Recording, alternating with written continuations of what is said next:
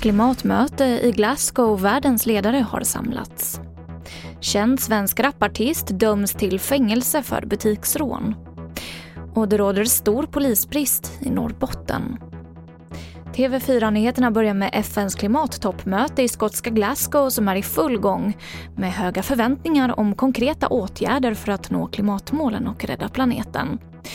När Storbritanniens premiärminister Boris Johnson invigningstalade så citerade han svenska klimataktivisten Greta Thunberg där han sa att alla våra löften är bara bla bla bla om vi inte tar klimatförändringarna på allvar.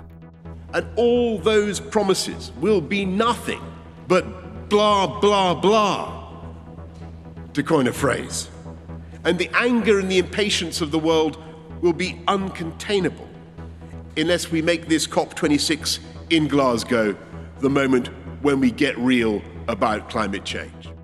Den prisbelönta rapparen Drilo döms till ett års fängelse för rån.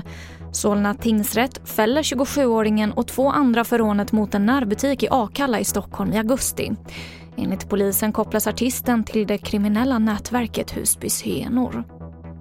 Minst 11 personer anhölls igår sedan de gjort klimataktioner på flera av Sveriges flygplatser. Åtta av dem som misstänks för brott på Bromma och Arlanda flygplats har släppts på fri fot enligt polisen. Misstankarna kvarstår dock mot samtliga.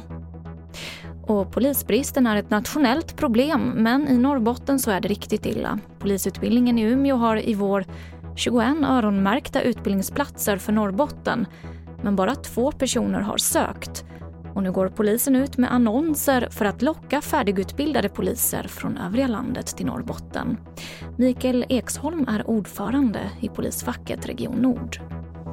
Jag hoppas ju att vi kan få tillräckligt många poliser till Norrbotten innan det eventuellt blir ett så hårt klimat som man ser i många andra delar av landet. Och vi är ju tillräckligt utsatta som det är idag när det är färre poliser som gör samma jobb över en större yta där man har längre till hjälp. Fler nyheter hittar du i vår app TV4 Nyheterna. I studion Emily Olsson.